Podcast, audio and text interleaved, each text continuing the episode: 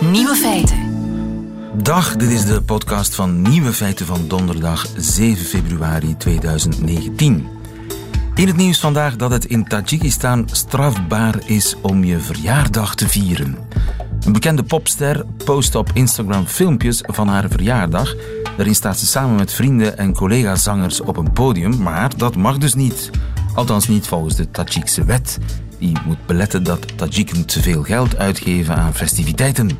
Een verjaardag mag alleen gevierd worden binnenshuis met familie. De zondigende popster moet nu 470 euro boete betalen. Overigens ook verboden in Tajikistan een trouwfeest van langer dan drie uur en eten na een begrafenis. Nog klachten over België? De andere nieuwe feiten vandaag. Voetbalclub Nantes wil toch 17 miljoen voor de verongelukte speler Sala. Een kind met een goede moeder krijgt goede punten. Politici huilen meer dan vroeger en Instagram toont contactadvertenties van 100 jaar geleden. De nieuwe feiten van Johan Terrein krijgt u in zijn middagjournaal. Veel plezier. Nieuwe feiten. Nieuwe jingles in nieuwe feiten. Ik uh, schrik er een beetje van. Voetbalclub Nantes wil toch nog geld voor Sala. Hans van de Wegen, goedemiddag. Goedemiddag. Je bent sportjournalist. 17 miljoen eist Nantes van Cardiff City voor Emiliano Sala, een voetballer die ze verkocht hebben aan Cardiff, maar die nooit voor Cardiff heeft kunnen spelen omdat hij is omgekomen in een vliegtuigcrash. 17 miljoen. Is dat ongeveer het transferbedrag of is dat een fractie daarvan? Nee, dat is transferbedrag. Dat is het transferbedrag. Oké. Het transferbedrag. Dus, dus je, hebt, je hebt iets gekocht en... Uh, en het is kapot. Ja, ik heb het verkocht en het is opgestuurd. Het is onderweg, het is niet echt onderweg kapot gegaan, maar daar is een keer heen en terug gevlogen natuurlijk met een slecht vliegtuig. En dan zeg je, ja sorry, jullie hebben het toch gekregen, het was daar en uh, jullie gaan toch betalen. Maar uh, jij schrikt daarvan, maar mensen die met voetbal te maken hebben, schrikken er al lang van. Dit, is, uh, dat zijn de zeden en gewoonten in het voetbal. Ja, maar het gaat wel om een mens, hè? Ja, ja, ja, maar goed, voetbal is de enige sport in de wereld, want je mag voetbal niet extrapoleren naar sport, de enige sport in de wereld die mensen verhandelt als zijn het, uh, ja, als zijn het koeien en een hele dure koeien dan. Hè, hele dure koeien. Weet ik veel. Ja. Uh, dat, is, dat is gewoon de, de regel en wat je hebt betaald. En wat Naam zal waarschijnlijk wel denken van goed ja, jullie hadden hem maar moeten verzekeren. Uh, want sommige voetballers, de meeste voetballers zijn wel verzekerd tegen ongeval. Maar is een ongeval met een vliegtuig dat je hebt besteld met een piloot die niet mocht vliegen met mensen, want dat is, dat is daar gebeurd. Die piloot had geen uh, vergunning om met mensen te mogen vliegen. Ja, is dat, valt dat dan onder de verzekering? Of zegt de verzekering, ja, maar sorry, dit is niet gedekt. Ja, dat moet dan Cardiff City, de ploeg waar hij zou gaan voetballen, maar uitzoeken. En zegt, nou, maar wij moeten ons 17 miljoen hebben, want wij zijn onze, onze spits kwijt. En hadden jullie hem niet gekocht, dan was hij nooit over het kanaal moeten vliegen. Dus, het is jullie schuld, 17 ja. Miljoen. 17 miljoen, ja natuurlijk, het is een bak geld. En dan ga je naar de kleine lettertjes kijken, hè. Ja, maar ja, goed, het is Kijk, ja, het is natuurlijk, dit is ook voetbal. Hè. Ik uh, als, kijk, ja, goed, ik ben nog geen voorzitter van Naant, ik ben ook geen voorzitter van een voetbalclub, maar ik, ik zou dan op dat moment zeggen van ja, goed, we take the loss. Hè. Dit is, uh, we, gaan dit moeten, we gaan als clubs daar moeten uitkomen. Dit is zo'n drama dat, dat maar één keer in, in, de, in de duizend jaar misschien voorvalt ja, dan moeten we uitkomen als mensen en niet uh, zomaar zeggen van ja, pas op, uh, de factuur is gestuurd jongens, uh, ja. betalen. Dus mocht jij in het bestuur zitten van Nantes, dan had je dat eleganter opgelost? Ja, maar ik zal nooit in het bestuur zitten van een voetbalclub, want ik kan niet tegen mensenhandel. En voetbal is gebaseerd op mensenhandel enig, zoals ik al zei, de enige sport in de wereld die dat doet. Uh, andere topsporten in Amerika, waar veel meer geld wordt betaald aan de atleten, doen dat niet. Uh, ook topsporten in, in, in, in Europa, basketbal, rugby, die verkopen geen mensen onder elkaar. Dus uh, eigenlijk is dit, is dit maar het logische gevolg van een wanpraktijk die sowieso bestaat, namelijk ja. dat verhandelen van voetballers als, als, als waren het hele dure koeien, zoals jij zegt. Dat is het echte ja, probleem. Ja, dat is het. Dit is, dit is de illegaliteit. Hè. De illegaliteit van de mensenhandel die geduld wordt door zowel de Europese Unie hè, als, als de, de wereldinstanties, als, als TVI. Hè. In principe kan je daarvoor naar de rechtbank stappen, naar het Europese uh, Hof, en dan zal je gelijk krijgen. Maar dat zal ongeveer een jaar of vijf, zes duren om dat ding te laten afschaffen. De transfer heet dat dan, hè? de betaalde transfer. De betaalde transfer is eigenlijk illegaal. Ja, en dat zegt iedereen dat dat eigenlijk het probleem is. Ook Mark Koeken had ik daar onlangs, uh, onlangs uh, zei dat tegen mij. Ja, eigenlijk is dat het probleem, zegt hij, dat er wordt betaald voor mensen. Ja, en dat is het probleem. Als je dat zou afschaffen, zoals in de Verenigde Staten dat niet mag, sinds 1975 mag dat niet meer, dan heb je geen probleem. Hè. Dan, uh, Oké, dan zou aan de hand zijn gestorven, maar dan zou er niet zo een harteloze voorzitter of, of secretaris of penningmeester van zo'n club in Nantes de factuur sturen en zeggen: hé, hey, betalen jongens, want ja. uh, we hebben. Terwijl zijn stoffelijk overschot nog steeds niet gevonden is, dacht ik, hè? Ah, ik weet niet wie er gevonden is. Uh, nee, nee, nee, dat is nog steeds niet gevonden, bedoel ik. Denk ik, oh, hè? Ja, enfin, zal, ik kan mij vergissen. Wel... Ik, ik, heb gelijk, nee, toch, hè? Okay. Het vliegtuigje is gevonden, maar niet het, uh, het lichaam. Dacht ik. Of het is nog niet geïdentificeerd. Er is een lichaam gevonden, maar het is niet zeker of het nu van de piloot dan dit wel... Is, nog eens voetbal hoor. Dit is nog ja. eens voetbal. Voetbal brengt uit in, in dat soort on, uh, onethische gedragingen. In, in, Dit is voetbal. Dat is wat wij dulden van voetbal. Maar nu, uh, Nantes wil naar de rechter. dus de rechter zal hier de knoop moeten doorhaken. Ja, en bij wie gaan ze naar de rechter? Frankrijk, Engeland, ik weet het niet.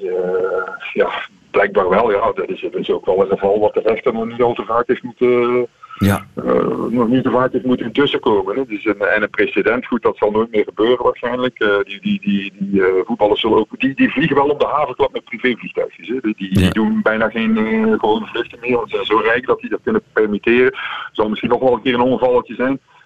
Ah, goed, ja, die rechter, ja, ik zou ook niet de rechter zijn plaats willen zijn. Ja, uh, de kwestie ligt op het bord van uh, de rechter wellicht in de toekomst. Nantes eist 17 miljoen voor uh, Sala, de speler die om het leven kwam. Dankjewel, Hans van de Wegen. Goedemiddag.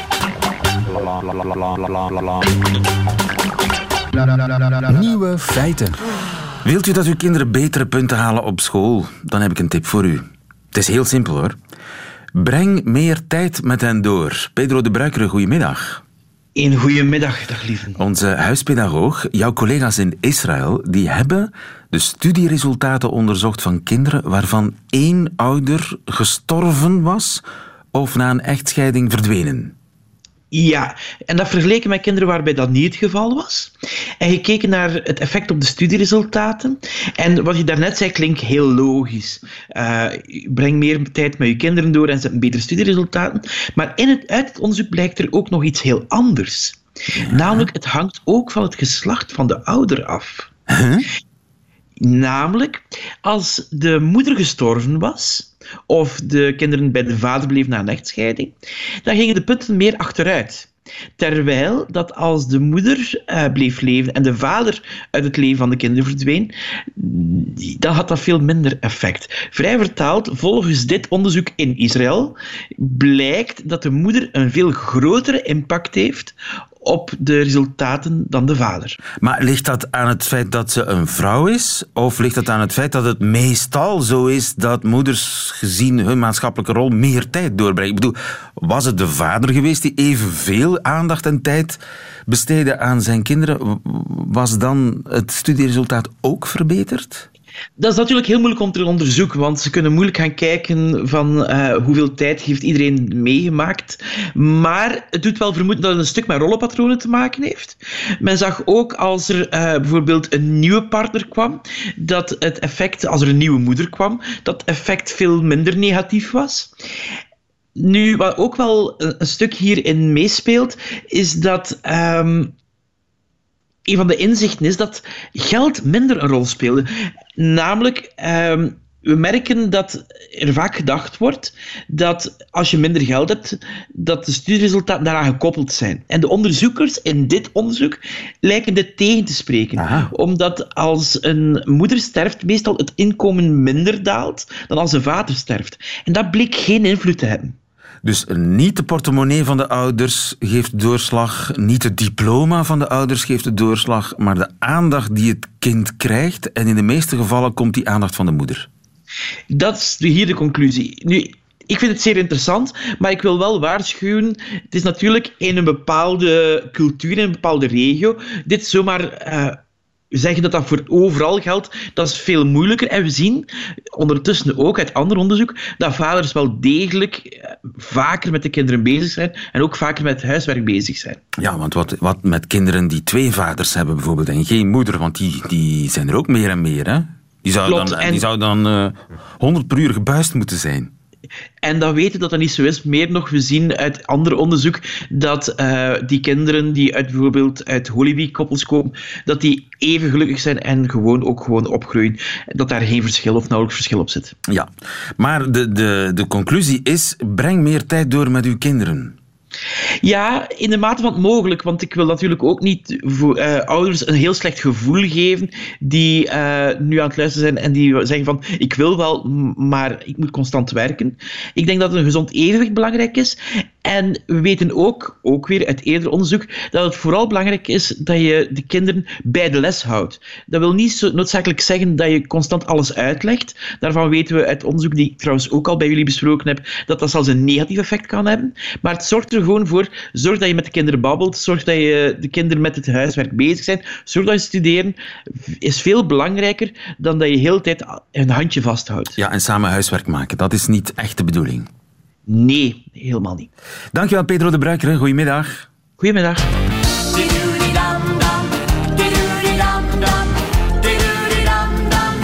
Nieuwe feiten. Maken tranen politici sympathiek of maken tranen politici zwak? Het is een vraag die zeer actueel is eh, vandaag en deze week. Ad Vingeroets, goedemiddag. Goedemiddag. U bent psycholoog aan de Universiteit van Tilburg en gespecialiseerd in tranen. Ja. Heeft u minister Schouwvliegen gezien? Ik heb er foto's van gezien. Ja. Aha, niet de beelden, dan zal ik ze nog eens laten horen. De beelden laten horen voor zover dat kan. Die nam deze week dus afscheid van haar ministerschap in tranen. Na een uitschuiver tijdens een speech en nadat ze zich door een sms-bombardement belaagd voelde. Ik kon met mijn gezin niet meer communiceren. De, Enzovoort enzovoort. Het duurde wel een tijdje, maar de mensen hebben dit zo vaak al gezien en gehoord. Ik, eh, ik, ik laat het alleen maar even voor u horen. Wat moeten we daarvan denken, van die tranen? Ja, het is. eh, het probleem met tranen is altijd dat ze op twee manieren kunnen worden waargenomen en, en geïnterpreteerd. Eh, het kan nu juist eh, heel positief zijn voor je imago, maar het kan ook erg tegen je werken. Dus En het dat- hangt af van de tranen en van de, de reden waarom zij vloeien. de reden waarom ze vloeien, de vooroordelen die men al heeft over die persoon in kwestie, die ze laat. En, en eh, ja, hoe gepast men en hoe echt men de tranen vindt. Hè. Als, als er een vermoeden is van, eh, ja, dit is manipulatie, dan, dan, dan kan het erg... krokodillentranen. Ja, ja, dan kan het erg eh, tegen je keren. Dus in het geval van Joke Schouwvliegen is dat nog onzeker. Ja, en eh, ik, ik denk dat dat echt wel vooral te maken zal hebben met wat vinden mensen op voorhand al van haar. Hè, haar, haar medestanders die zullen zeggen van nou dat. Wat dat doen ze Joke mooi. allemaal aan? Ja, wat doen ze allemaal aan? Kijk eens, eh, ze heeft zoveel verdriet. eh, en de tegenstanders zullen zeggen van ja, dit, dit is, ze heeft een uitschuiver gemaakt en nou eh, ja, gaat ze ons een beetje manipuleren en, moeten we, en, en een beetje zielig zitten zijn. Ja. Ja, ja, dus het kan nog beide kanten op. Nu, het zijn lang niet altijd vrouwelijke politici die tranen laten. Hè. Ik, ik- ik Oh, herinner mij bijvoorbeeld de tranen van ja, toch een van onze st- stoerdere jongens in de nationale politiek, eh, voormalig premier Guy Verhofstadt. 15 jaar geleden, september 2004, een VLD-congres in Kortrijk, denk ik. In ieder geval, eh, er was eh, een, een splijtswam in zijn regering en in zijn partij, het migrantenstemrecht. En op een gegeven moment staat een eminence grise op, de 76-jarige Willy de Klerk. Zijn vrouw is zwaar ziek. Hij heeft het moeilijk, maar hij houdt toch een vlammend betoog op dat VLD-congres. Het resultaat is 83% beslist om van die splijtswam, dat het migrantenstemrecht, geen regeringscrisis te maken. Guy Verhofstadt is gered en zo klonk zijn reactie. Ik ben eigenlijk een beetje van mijn melk, moet ik u eerlijk zijn. Over de tussenkomst van Willy. Eh, Die mijn politieke vader is. En ik weet in welke moeilijke omstandigheden dat hij vandaag hier zit. Megens Fernand. En ik dank hem ongelooflijk. Wat vindt u van deze tranen?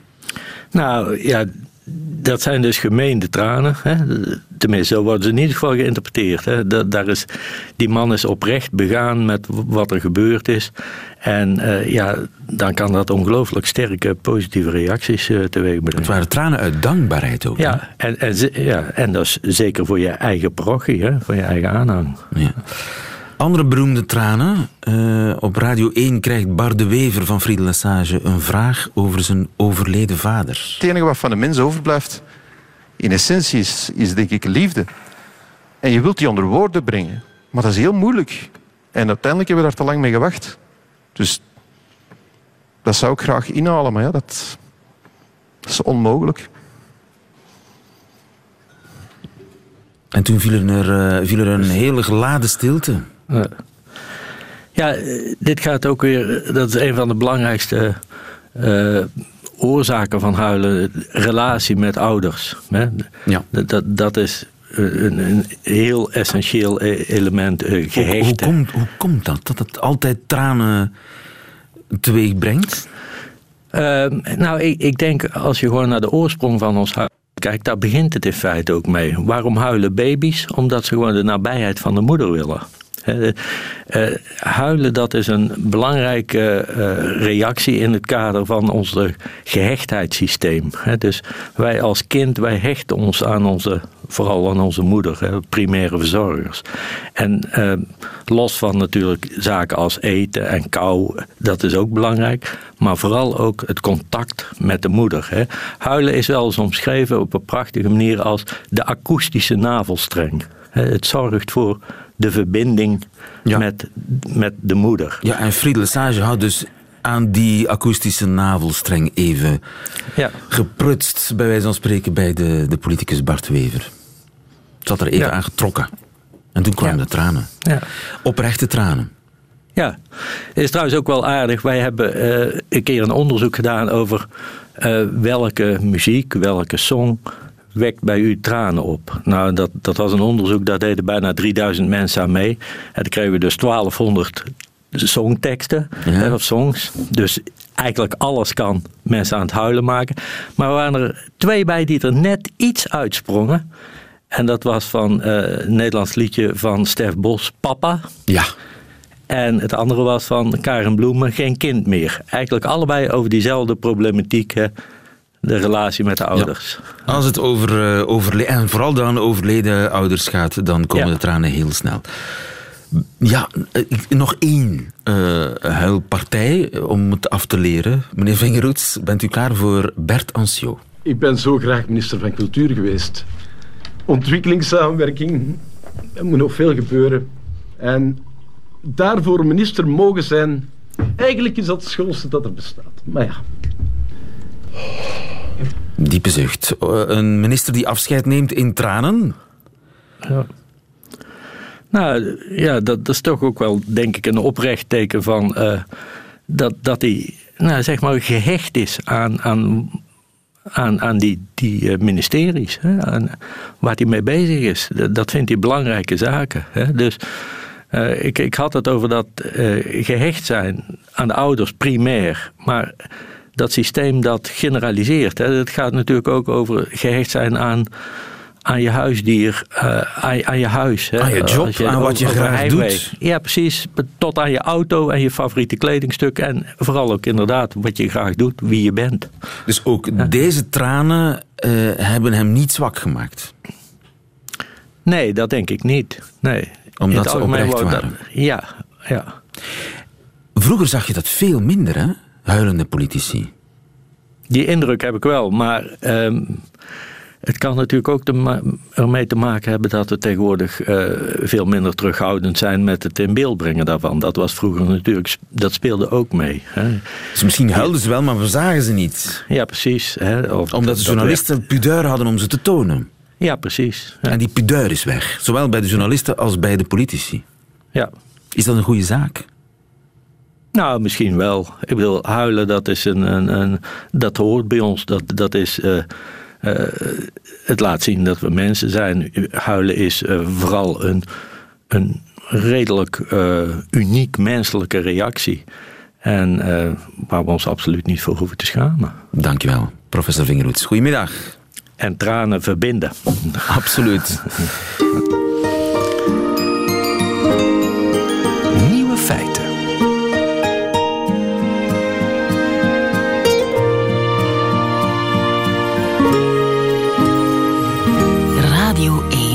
Kent u Liefde van Toen al?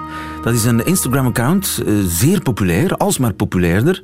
Een account dat elke dag een nieuwe contactadvertentie laat zien van ongeveer 100 jaar geleden. Een heer, oud 38 jaren, op een kantoor een protestant, wenst zich door reine trouw te binden en vraagt gemeend om hart en hand aan dames van denzelfde leeftijd. Zijn hart, zo vol van liefde en trouw, wil zich zo nodig ook verbinden aan een jeugdige weduwvrouw.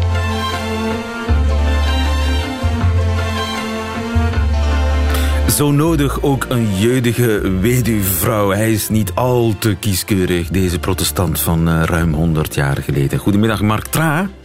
Goeiedag. De man achter Liefde van Toen. En gefeliciteerd nog met je nominatie, want waarvoor was je ook alweer genomineerd? Uh, voor de Geschiedenis Online prijs in, in Nederland. En terecht, de Geschiedenis Online prijs. Want dit is echt geschiedenis online, meer bepaald liefdesgeschiedenis online. Hoe kwam je op het idee? Nou, ik ben, in het dagelijks leven ben ik redacteur bij het uh, tijdschrift Quest in, uh, over wetenschap in Nederland. Ik schrijf veel over geschiedenis en daarvoor kom ik andere, onder andere op een website van de Koninklijke, Bibli Koninklijke Bibliotheek in Nederland, waarop honderden, nou ja, tientallen miljoenen krantenpagina's zijn gedigitaliseerd. En die kun je allemaal doorzoeken. En vanaf de 17e eeuw geloof ik. En uh, als je een beetje weet waar je op moet zoeken, dan, uh, ja, dan kom je dus dit soort berichten tegen die ik in eerste instantie in een ooghoek uh, zag en waardoor ik heel snel werd gegrepen. Ja, want ze zijn, ze zijn intrigerend, snel, hè?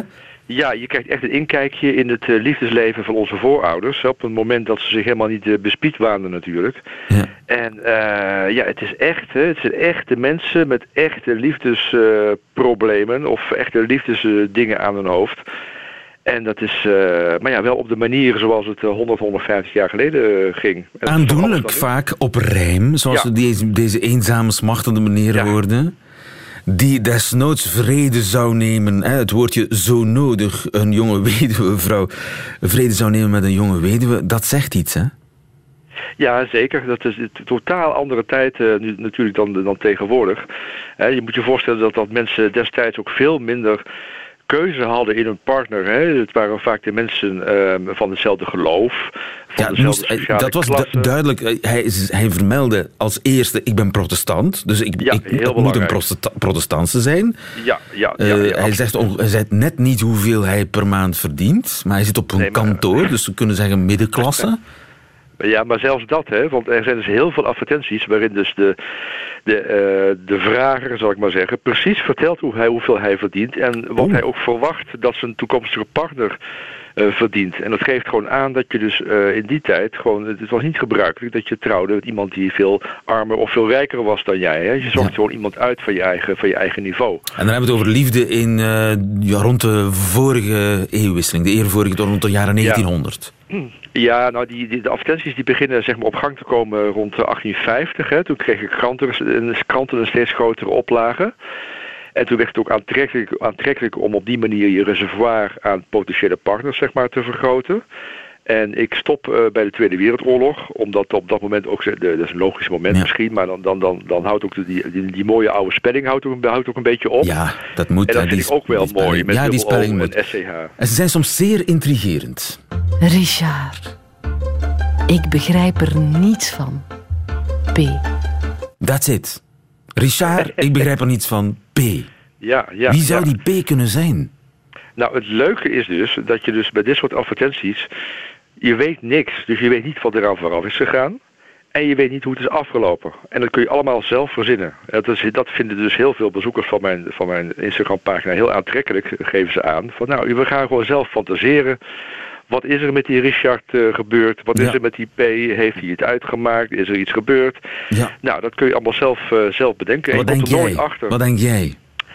Ik denk dat er iets is in de relatiesfeer is misgegaan. dat hij Richard misschien een brief heeft geschreven die, die de dame in kwestie, ik neem aan dat het een dame is, niet, uh, niet, niet helemaal begrijpt. En dan een wanhoopskreet in de krant. En dat zijn dus de mooiste, hè, waar dus de, de, de, de, ja, de emoties van afspatten. Ja. Je moet je voorstellen, ze hadden gewoon een paar vierkante centimeter tot hun beschikking. En daar moesten een hele ziel en zaligheid moesten ze daarin kwijt. Het, het, is niet zoals nu met even een appje sturen en dan nog een appje. Nee, het moest allemaal in de krant. Ja, ja. Maar het, het raar is, waarom moest dat in de krant?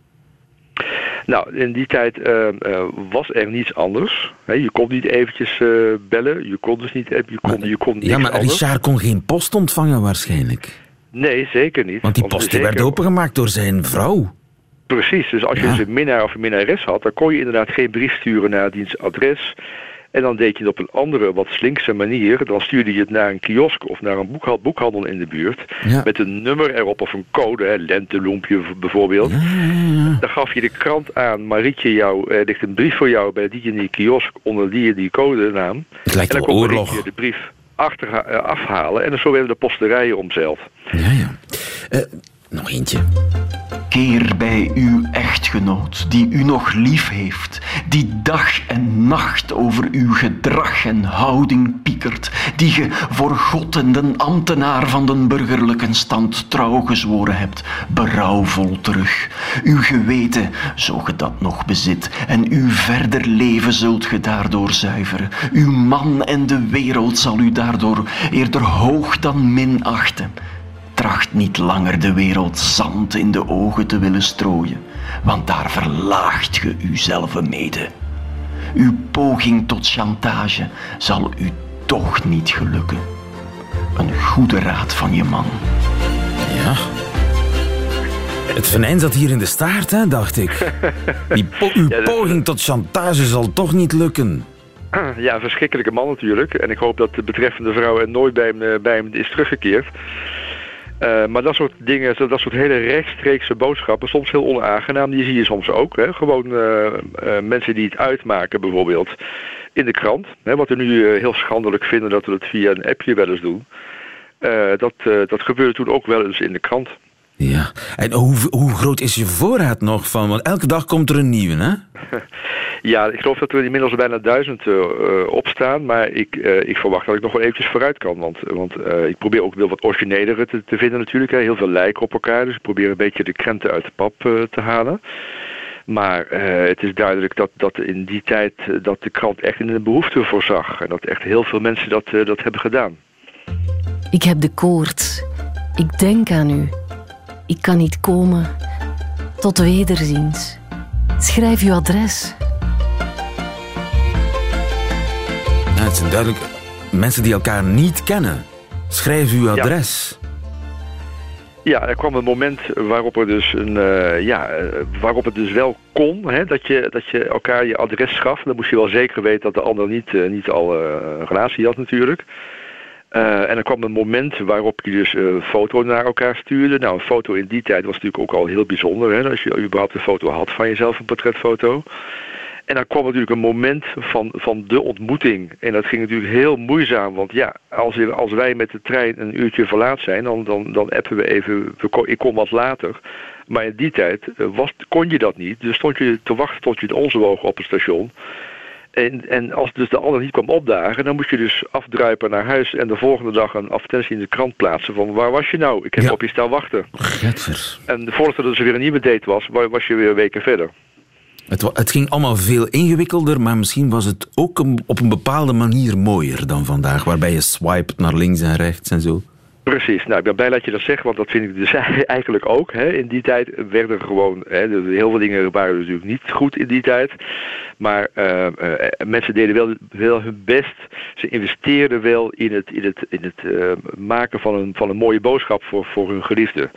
En als je nu kijkt op, de, op de dating sites en zelfs een marktplaats in Nederland, hè, waar je dus tweedehands spullen kunt verkopen en verkopen, die, die hebben zelfs een, eh, een afdeling waar je dus een partner kunt zoeken. En nou ja, dat, Tweedehands partner. We, ja, De, de wemelt van, van de spelfouten en de, en de taalfouten. En ik denk wel eens van, nou, dat... eh, Vroeger was het als je beter. Echt, echt iemand zoekt, dat, eh, dan kijk maar naar vroeger, want niet alles was vroeger. Wat mij ook opvalt is dat schoonheidsideaal is ook een beetje veranderd, want deze man zoekt een reuzin.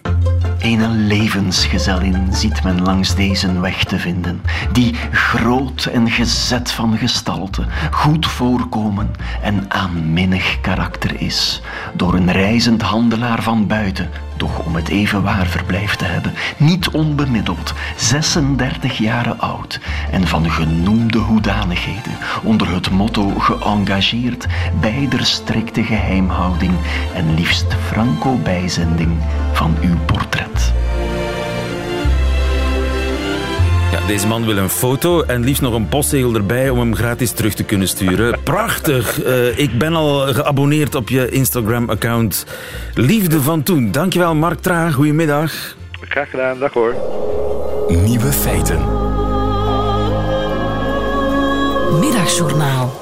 Beste luisteraar, sta me toe een ballonnetje op te laten over loslaten. Mensen zeggen wel eens: je moet het loslaten. Meestal hebben ze dan al een uur naar je gezaag geluisterd, of beter naar de negatieve gedachten die op dat moment je hersens bezet. Je moet het loslaten. Ze vertellen er meestal niet bij hoe, want dat kan ook niet. Negatieve gedachten zijn een beetje zoals een bal die op je hoofd afkomt vroeger op de speelplaats. Als je die bal probeert te ontwijken, ketst die garantie knal tegen je hoofd. Een handleiding in loslaten bestaat niet. En net over die frustratie heb ik een voorstelling gemaakt. De ingehuurde man gaat over iemand die gedwongen wordt om los te laten en dat niet kan en daar dan uiteindelijk een mannetje voor inhuurt. Het schrijven van het stuk was ook al een soort van loslaten. Ik wou van de shit die mij overkomen was weer mest maken. En hoe meer ik het verhaal vertel, hoe meer het niet meer alleen van mij is, maar van iedereen. Dus dat werkt. Maar nu komt het punt dat ik het voor de laatste keren sta te spelen. En dus dat verhaal over loslaten moet loslaten. Lastig. Want bij een voorstelling is het zo, van het moment dat het gedaan is, bestaat het niet meer, enkel nog in de wegdeemsterende herinnering van de toeschouwer. Ik hoor dan wel eens dat het een voorstelling is die blijft hangen, maar ook dat is uitstel van executie. Het moment komt eraan dat ik voor het laatst de spanningsboog opspan en het verhaal afschiet op het publiek. Daarna hoef ik de pijl niet meer terug te halen en blijft die ergens bengelen in een schouwburgstoel. Pas dan is de voorstelling echt blijven hangen. Ik weet het, loslaten is accepteren. Ik heb daarover alle boeken al gelezen. Als daar zijn loslaten, leren loslaten en loslaten kan je leren. Het brengt weinig soelaas. Blij dat ik dat woord nog eens kan bovenhalen, soelaas. Het zorgen dat iets minder erg wordt. Weet u wat mij soelaas zou brengen? Dat u erbij bent op de laatste erediensten. Dat zou het loslaten soelaas brengen.